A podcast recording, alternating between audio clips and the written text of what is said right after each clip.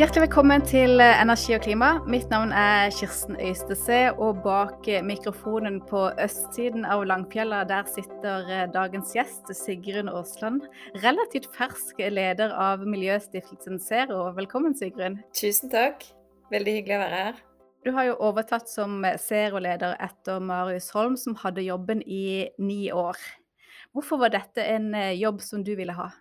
Altså, dette er jo en drømmejobb på mange måter. Det er store sko å fylle. Eh, men jeg tror ikke jeg kan tenke meg noe viktigere nå, egentlig, enn å eh, jobbe med å vise frem og dytte frem og få bedre vilkår for gode klimaløsninger. Eh, det er jo enda tydeligere enn det har vært lenge nå i denne høsten her at det er ikke noe annet vi kan lykkes med egentlig, hvis ikke vi klarer å få ned utslippene. Og det må skje fort. Når du går inn da i en sånn lederjobb, hvilke mål har du satt deg sjøl for hva du ønsker å få til? Ja, altså Det store målet er jo selvfølgelig at eh, vi skal halvere, eller vi skal kutte utslippene 55% innen 2030. Det er jo en kjempestor jobb. Eh, jeg tenker jo at Zeros rolle i det, og det jeg håper å bidra til, er jo å virkelig peke på og finne frem helt konkrete løsninger. Eh, jeg har snakket mye om de siste ukene at det er tre ting nå som jeg tror er viktig i det arbeidet vi skal gjøre. Det ene er at eh, nå skal det gå så fort. Jeg har vært eh, jobbet bredere enn det jeg gjør nå i Zero, Jeg har jobbet med spørsmål relatert til klima og miljø i mange år. Og, eh, og, det har jo vært mange diskusjoner om er det dette eller dette vi skal gjøre. Er dette det mest samfunnsøkonomisk lønnsomme klimatiltaket? Skal vi vente litt på noen bedre løsninger? Og vi er jo fortsatt ofte i den type diskusjoner, men nå har vi altså veldig dårlig tid. Og det har jo FNs klimapanel også slått ganske kraftig fast. Så det er det ene. Det må skje fort. Det betyr at vi må snakke om klimaløsninger som har effekt på lang sikt, men at vi også er nødt til å gjøre ting som virker nå. Og så er det andre jeg har vært opptatt av at over tid så har det jo blitt enda tydeligere at vi har veldig mye av den teknologien vi trenger i det grønne skiftet.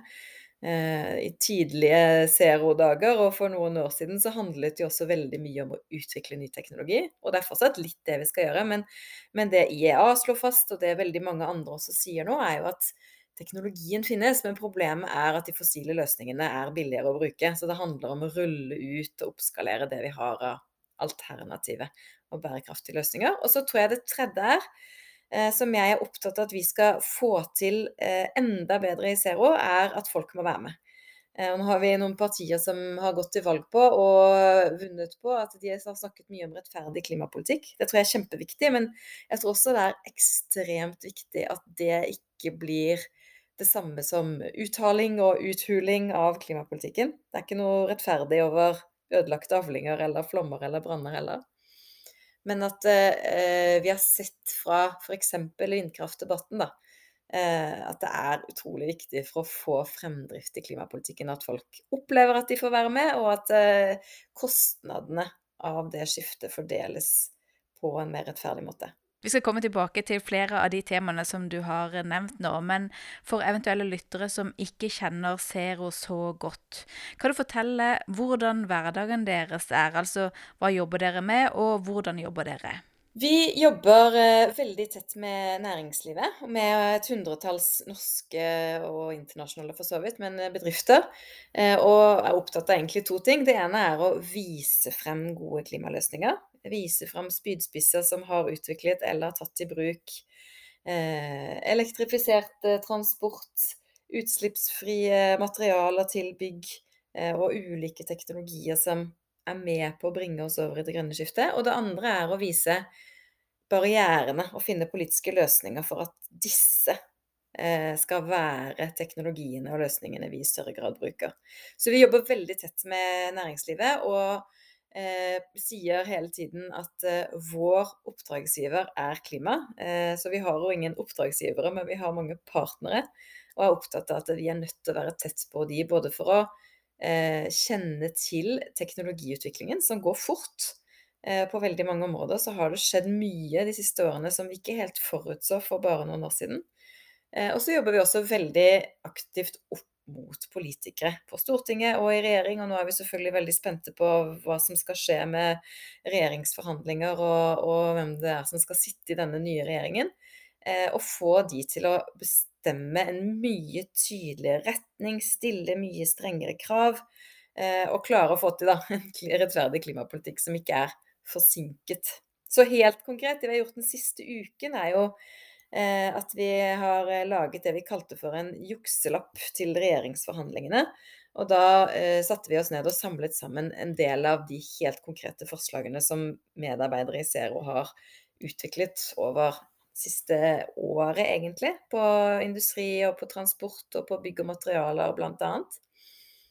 Eh, og samlet i en liten blekke da, som vi har overrakt til politikere fra Arbeiderpartiet, SV og Senterpartiet. La oss gjerne snakke litt om dem. For nå har vi jo vi har vært gjennom et, eh, et eh, klimavalg. Nå pågår det regjeringsforhandlinger.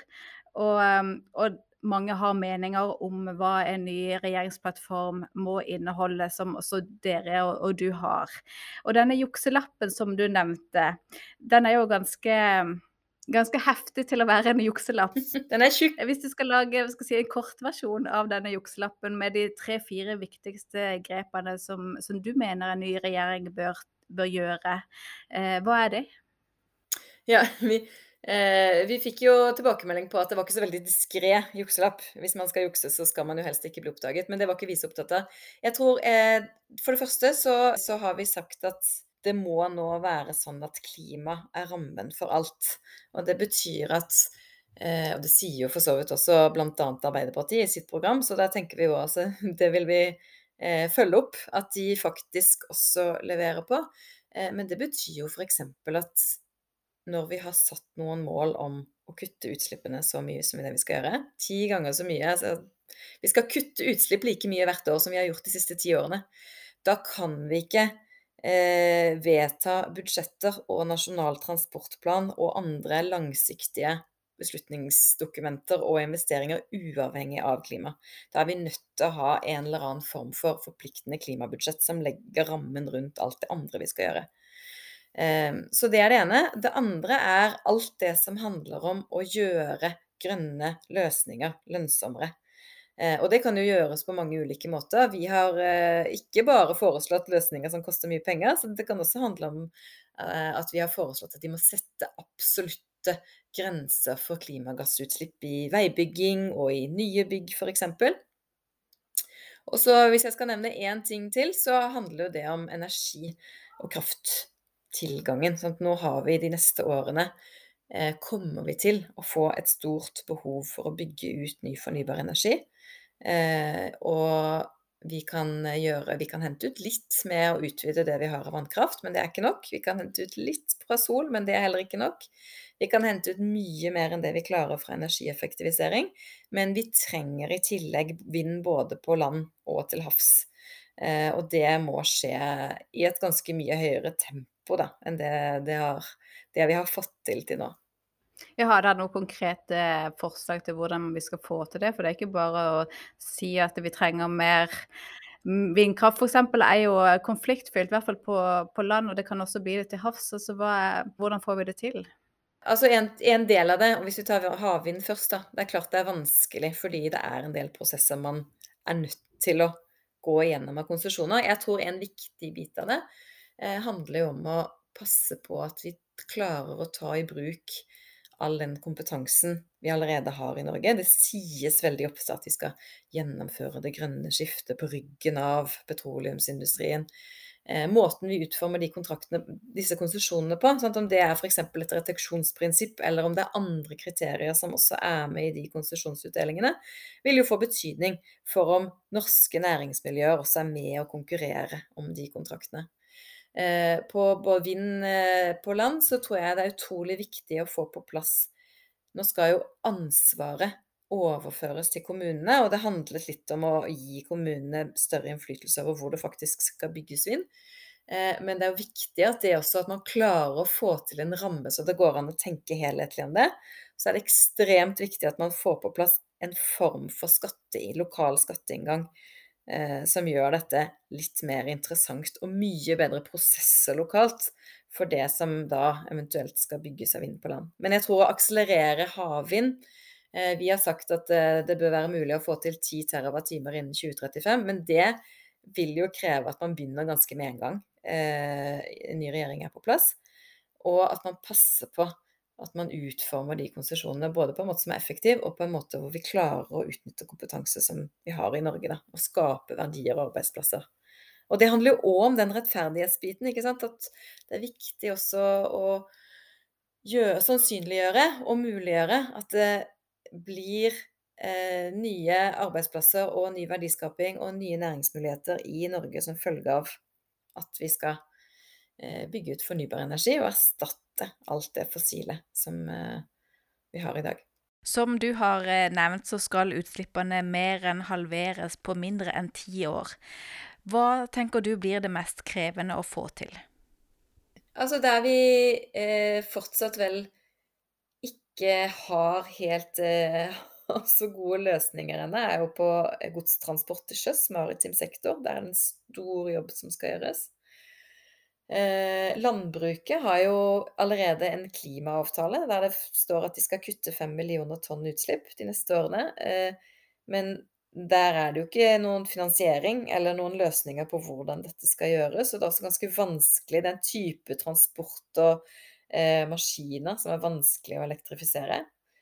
Um, men jeg tror liksom den, en av de, den virkelig store utfordringen, hvis vi skal snakke litt bredt, da, det handler jo om at vi må klare å lage en Politikerne må klare å snakke om rettferdig klimapolitikk på en måte som folk tror på, uten at det betyr ingen klimapolitikk. Altså, det er ikke, utsatt klimapolitikk kan ikke være det samme som rettferdig klimapolitikk. Eh, og det er jo det som er litt faren at det blir. ikke sant? At hver gang det blir vanskelig, så utsetter vi problemet. Eh, og da blir det jo egentlig ikke rettferdig heller. Og det tror jeg mange norske bønder er veldig Jeg har opplevd veldig direkte selv. At veldig tørre somre og veldig varme somre, som er en følge av klimaendringer, eh, det er jo heller ikke rettferdig. Kan klimapolitikken både være effektiv og samtidig rettferdig? Ja, det tror jeg fullt mulig at den kan. Vi hadde jo, eh, da vi la fram denne jukselappen. Også invitert et lite kommentatorpanel med Irene Halvorsen fra Nasjonen og eh, Anders Bjartnes fra Energi og klima. Eh, og han var jo også veldig tydelig på at selvfølgelig er det mulig. Det handler jo om hva man syns er viktig å få til. Det er fullt mulig å lage fordelingspolitikk og klimapolitikk som henger sammen. Det er fullt mulig å implementere en CO2-avgift og finne løsninger for fordeling i andre enden. Det er fullt mulig å skape arbeidsplasser og sørge for at det finnes gode jobber. Det er også noen vinn-vinn-løsninger. Hva slags krav skal vi stille til transportnæringen, til godstransport på vei, til bærekraften i lastebiler på norske veier? Der har vi jo kjempestore problemer allerede i arbeidsmarkedet, med urettferdige og dårlige arbeidsforhold. Eh, og det er jo et eksempel på et sted hvor jeg tror arbeidslivspolitikk og klimapolitikk henger veldig godt sammen. Eh, det å stille noen krav der til hva slags lastebiler vi har lyst til å ha på norske veier, kan også være bra for norske lastebilsjåfører. Så det er jo en allianse jeg gjerne eh, utvikler videre sammen med arbeidslivsorganisasjonene. Og det tror jeg er en viktig del av løsningen. At eh, det norske, det som er så bra i Norge, som vi har vært så gode på da, i alle omstillinger vi har vært igjennom opp gjennom tidene, Eh, fra den enkelte bedrift og opp på nasjonalt nivå, er jo at vi har et organisert arbeidsliv der det er mulig å tenke langsiktig og helhetlig sammen. Og det er vi nødt til å bruke. Som du har vært inne på, så når vi skal kutte utslippene raskere, så må vi erstatte fossile løsninger med ikke-fossile. Og hvordan kan vi få til det bedre enn hva vi har fått til til nå i de sektorene der de fossilfrie løsningene ikke er konkurransedyktige? For å ta et sånn eksempel som jeg tenker er litt sånn lavthengende frukt for en ny regjering. Eh, når vi bygger nye bygg nå, så er det mer lønnsomt og lite attraktivt å bruke materi gjenvunnet materiale. Og bruke materialer som er fremstilt på miljøvennlig måte. Eh, fordi det er ikke stilt noe krav til det. Eh, det fins masse norske bedrifter som vi også samarbeider med, som er i stand til å fremstille den typen materiale. Sånn. Selsa i Mo i Rana som lager resirkulert stål, f.eks. Eh, det finnes norske bedrifter som lager isolasjonsmateriale på resirkulert plast. Hvis man klarer å stille mye strengere krav til f.eks. hvor mye CO2 er det lov å slippe ut per kvadratmeter nye store bygg, så vil jo det for det første ganske kjapt få ned utslipp, og for det andre kan det også være med på å gjøre en del av disse norske bedriftene mer konkurransedyktige. Eh, på bekostning av å importere materialer fra andre land med de utslippene du i tillegg da har knyttet til transport. Så de beste løsningene er jo også de som på en måte klarer å både gjøre noe ganske fort med utslipp, eh, og fremme noen interessante norske bedrifter. Det samme gjelder jo på vei og tunnel og brobygging. Det er masse norske bedrifter som har utviklet teknologi mye fortere enn det vi trodde var mulig for bare noen år siden. På asfalt f.eks. Biobasert asfalt har jeg lært masse om de siste ukene. Og det var helt nytt for meg også. Men eh, de som er i ferd med og ligger i front i å utvikle det, de har veldig få konkurransefortrinn sånn som det er nå, fordi det ikke stiller strenge nok krav. Eh, og kunne fått mye større muligheter dersom vi var villige til å stille strengere krav og dytte fram nettopp de som leverer denne typen materialer. Både i Zero og, og i, der jeg jobbet før jeg kom til Zero, så har jeg opplevd at norsk næringsliv går foran og utvikler en masse spennende nye løsninger, og etterlyser litt mer forutsigbarhet. Vil gjerne ha litt strengere krav eh, for at det skal være lønnsomt å videreutvikle og skalere opp de løsningene, men, eh, men møter litt eh, passive holdninger ofte fra myndighetene, da. Og når du er inne på, eh, på, norske politikere og norske partier, altså nå er det jo eh, Arbeiderpartiet og Senterpartiet som ser ut til å skulle legge fram en regjeringsplattform. Um, er det noe med, med, denne konstellasjonen som du er bekymra for når det gjelder hva de vil komme med på, på klimafeltet? Jeg prøver jo ikke eh, mene noe om hvilke partier som burde være i regjering og ikke burde det. Vi jobber på tvers av alle politiske partier. Men eh, jeg registrerer jo at SV gikk ut av forhandlingene fordi de opplevde at det var for lite bevegelse i klimaspørsmålet. Eh, og hva det gikk ut på, vet jo ingen andre enn de som satt i det forhandlingsrommet. Eh, men eh, da får vi som jobber med klimasaken forholde oss til det. Hvis det blir en mindretallsregjering, så har man jo nå en viktig opposisjon på Stortinget som også er opptatt av god klimapolitikk. Eh, så vi jobber jo på en måte med den regjeringen og det Stortinget vi har, eh, og, og med å finne gode løsninger. Jeg tenker at det, vår rolle, i hvert fall i Zero, handler om å være konstruktiv inn mot det som er den politiske realiteten. Finne de løsningene vi vet er mulige, og komme med forslag som er kompromissløse på at vi er faktisk nødt til å kutte veldig mye utslipp.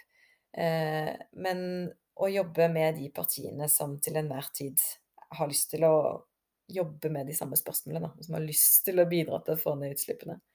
Eh, jeg tror det kommer til å komme en diskusjon framover nå, helt uavhengig av hvordan regjeringskonstellasjonen blir, om framtidig leting etter olje. Jeg tror det var et viktig spørsmål i sonderingene. Men så er det jo også sånn, som også for øvrig SV har påpekt i valgkampen, at det er et kjempeviktig spørsmål. Eh, men det kutter jo ikke utslippene i dag eller i morgen eller neste år.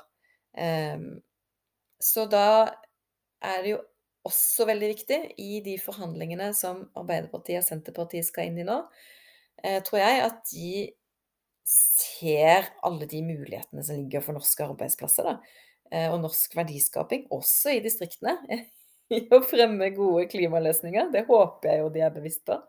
Og at de er villige til som Arbeiderpartiet i hvert fall har sagt, og setter klima som rammen for alt. Det tror jeg er helt avgjørende. Eh, og at de er villige til å stille mye strengere krav, og at de er villige til å inngå noen forpliktende avtaler og forvente tilbake noen ganske betydelige utslippskutt. Du har jo nevnt det å sette klima som rammen for alt, og bruke klimabudsjetter. Og så har du også tatt til orde for en handlingsregel for klima. Hvordan kan en klimahandlingsregel fungere? Ja, det kan man jo tenke seg på ulike måter, da. Men sant, vi har jo nå en handlingsregel for bruk av oljepenger som eh, sier at eh, og som alle aksepterer, og som sier noe om hvor mye penger vi kan bruke hvert år. Eh, på klimaområdet så har vi en klimalov som sier at regjeringen må rapportere til Stortinget hvor mye, hvordan utslippene utvikler seg hvert år. Men det er jo ikke noen ramme. Det er jo en informasjon, en rapport, som f.eks. da kan fortelle Stortinget at nå reduseres ikke utslippene. Og så eh, legges det fram, og så får det ingen konsekvenser. Eh, en sånn, Når jeg bruker ordet handlingsregel, så er jo det for å vise at på samme måten som vi har vært relativt disiplinerte for å unngå overoppheting av økonomien, eh, så bør vi være like disiplinerte for å unngå overoppheting av kloden. Eh, og det kunne f.eks. vært ved å sette budsjett, klimabudsjett per sektor. Og det betyr at hvis f.eks. da regjeringen sier at innenfor landbruket så er det ikke mulig å kutte utslippene så raskt som vi hadde håpet, nei vel, da kan det kanskje ta litt lengre tid der, men da må vi gjøre det fortere et annet sted. Eh, og det må fremgå i de årlige budsjettfremleggelsene og i budsjettforhandlingene. For det er jo heller ikke sånn at vi har alternativ å sprenge det budsjettet. Og da ser du for deg et, et makstak på utslipp som skal gjelde år for år? Ja, det må man jo ha. Og så er jo selvfølgelig en utfordring med det at eh, det må også være sånn at det vil jo alltid være et dilemma mellom de veldig raske kuttene eh, og det å bidra til at de litt mer langsiktige kuttene og virkelig store transformasjonene også kan skje, ikke sant. Eh, på biodrivstoff kan man bruke mer biodrivstoff for å kutte utslipp veldig fort. Eh, men vi vet også at på mange områder så er det elektrifisering, f.eks. innenfor transportsektoren, som er det mest bærekraftige alternativet på lengre sikt. Så dette må man jo utforme på en måte som balanserer de hensynene. Det tror jeg flinke folk i Finansdepartementet er fullt i stand til å gjøre. Men prinsippet må være at vi har ikke mer utslipp enn at vi må være 55% lavere i 2030 enn det vi er i dag. Eh, og det må også reflekteres i hvordan vi bruker penger, og hvordan vi planlegger i årene som kommer. Eh, og da er det ikke nok at det rapporteres årlig om hvordan utslippene utvikler seg. Eh, da må det være sånn at hvis ikke vi har klart å kutte nok ett sted, så må vi kutte mer et annet sted. Og hvor og hvordan vi skal eh, kutte utslipp, det er jo høyt på den eh, politiske agendaen. Samtidig er også næringslivet opptatt av å være en del av løsningen, og finansaktører er opptatt av deres rolle. Dette er jo selvfølgelig veldig bra, men det kan jo også gjøre jobben til Zero og andre organisasjoner på et vis vanskeligere. Altså, hvordan skal dere gjøre en forskjell? Ja, det kan godt hende at du har rett i, sant? fordi det er i hvert fall ikke nok nå å bare rope om betydningen av klimapolitikk. Det er også viktig, det må vi fortsatt gjøre. Eh, men jeg tror det stiller enda større krav til å komme med veldig konkrete forslag. Eh, veldig konkrete forslag som kan ha ganske stor effekt, som kan ha ganske rask effekt. og i tillegg, da, som du også har utfordret meg på, sånn som kan være både effektive og rettferdige. Så både Zero og alle de andre miljøorganisasjonene kommer jo nå til å, tror jeg, og håper jeg, møte politikere som har enda høyere forventninger til at vi skal by på noen løsninger, da. Eh, og det eh, mener jeg at norske miljøorganisasjoner har vært veldig flinke til. Eh, og jeg syns jo helt utenfra og helt uavhengig, så det kan jeg si siden jeg er ny, at Zero har vært veldig flinke til. Og det eh, er jo min ambisjon at vi fortsatt skal være konstruktive og konkrete eh, og løsningsorienterte. Og da trenger vi å ha god kjennskap til all den gode teknologiutviklingen som skjer ute i norske bedrifter. Eh, og så trenger vi å være veldig utålmodige på å klare å få til rammebetingelser som gjør at den kan rulles ut fortere og være mer lønnsom enn de fossile alternativene. Og hva er da de viktigste løsningene som dere kommer til å jobbe mest for nå i, i neste fireårsperiode? Den strategien vi jobber med nå, handler om at vi jobber eh, intenst med transportsektoren og hvordan vi skal få ned utslippene der. Eh, vi jobber med industri, både det som handler om å kutte utslipp i norsk industri, og det som handler om, å, om såkalte negative utslipp. Eh, og det å fange opp den CO2-en som likevel klarer å finne veien ut i atmosfæren. Jeg tror ikke folk er klar over hvor dyrt det kommer til å bli. Så det må vi jo ha som teknologi, men det kan ikke bli en hvilepute. Eh, så jobber vi mye med bygg og materialer i bygninger og infrastruktur. Og så jobber vi med energi og energimarkedet, og klarer å få til en raskere utbygging og mer effektiv bruk av den kraften vi har. Det er på en måte våre hovedområder som vi mener at der vi mener at vi både har eh, kjennskap til relevant teknologi og eh, gode, konkrete forslag til hva politikerne kan gjøre. Mens vi venter på en regjeringsplattform som vi kan få lov til å dykke ned i og dissekere. Hvis du skulle fått lov til å skrive forordet til den, hva skulle det stått der? Ja, Der skulle det for det første stått at klima skal være rammen for alt. Og så skulle det stått at eh, Befestet nok en gang at regjeringen er forpliktet til både Parisavtalen og til eh, våre avtaler med EU om å kutte 55 utslipp innen 2030. Og så håper jeg jo egentlig at de, når de har fått så god hjelp som de har da, med den jukselappen vi har gitt dem, at de putter inn alle de forslagene vi har overlevert, eh, inn i plattformen. Eh, så jeg er veldig spent på å se hvor mye eh, av det som har blitt lyttet til. Men eh, jeg tror nok det kommer til å være behov for en utålmodig klimabevegelse også i tiden framover. For helt i mål eh, kommer de neppe. Da sier jeg tusen takk for at du var med i podkasten til Energi og klima. Tusen takk for at jeg fikk komme. Takk også til eh, du som lytter på. Abonner gjerne på Energi og klima der du vanligvis lytter til podkaster. Takk for i dag.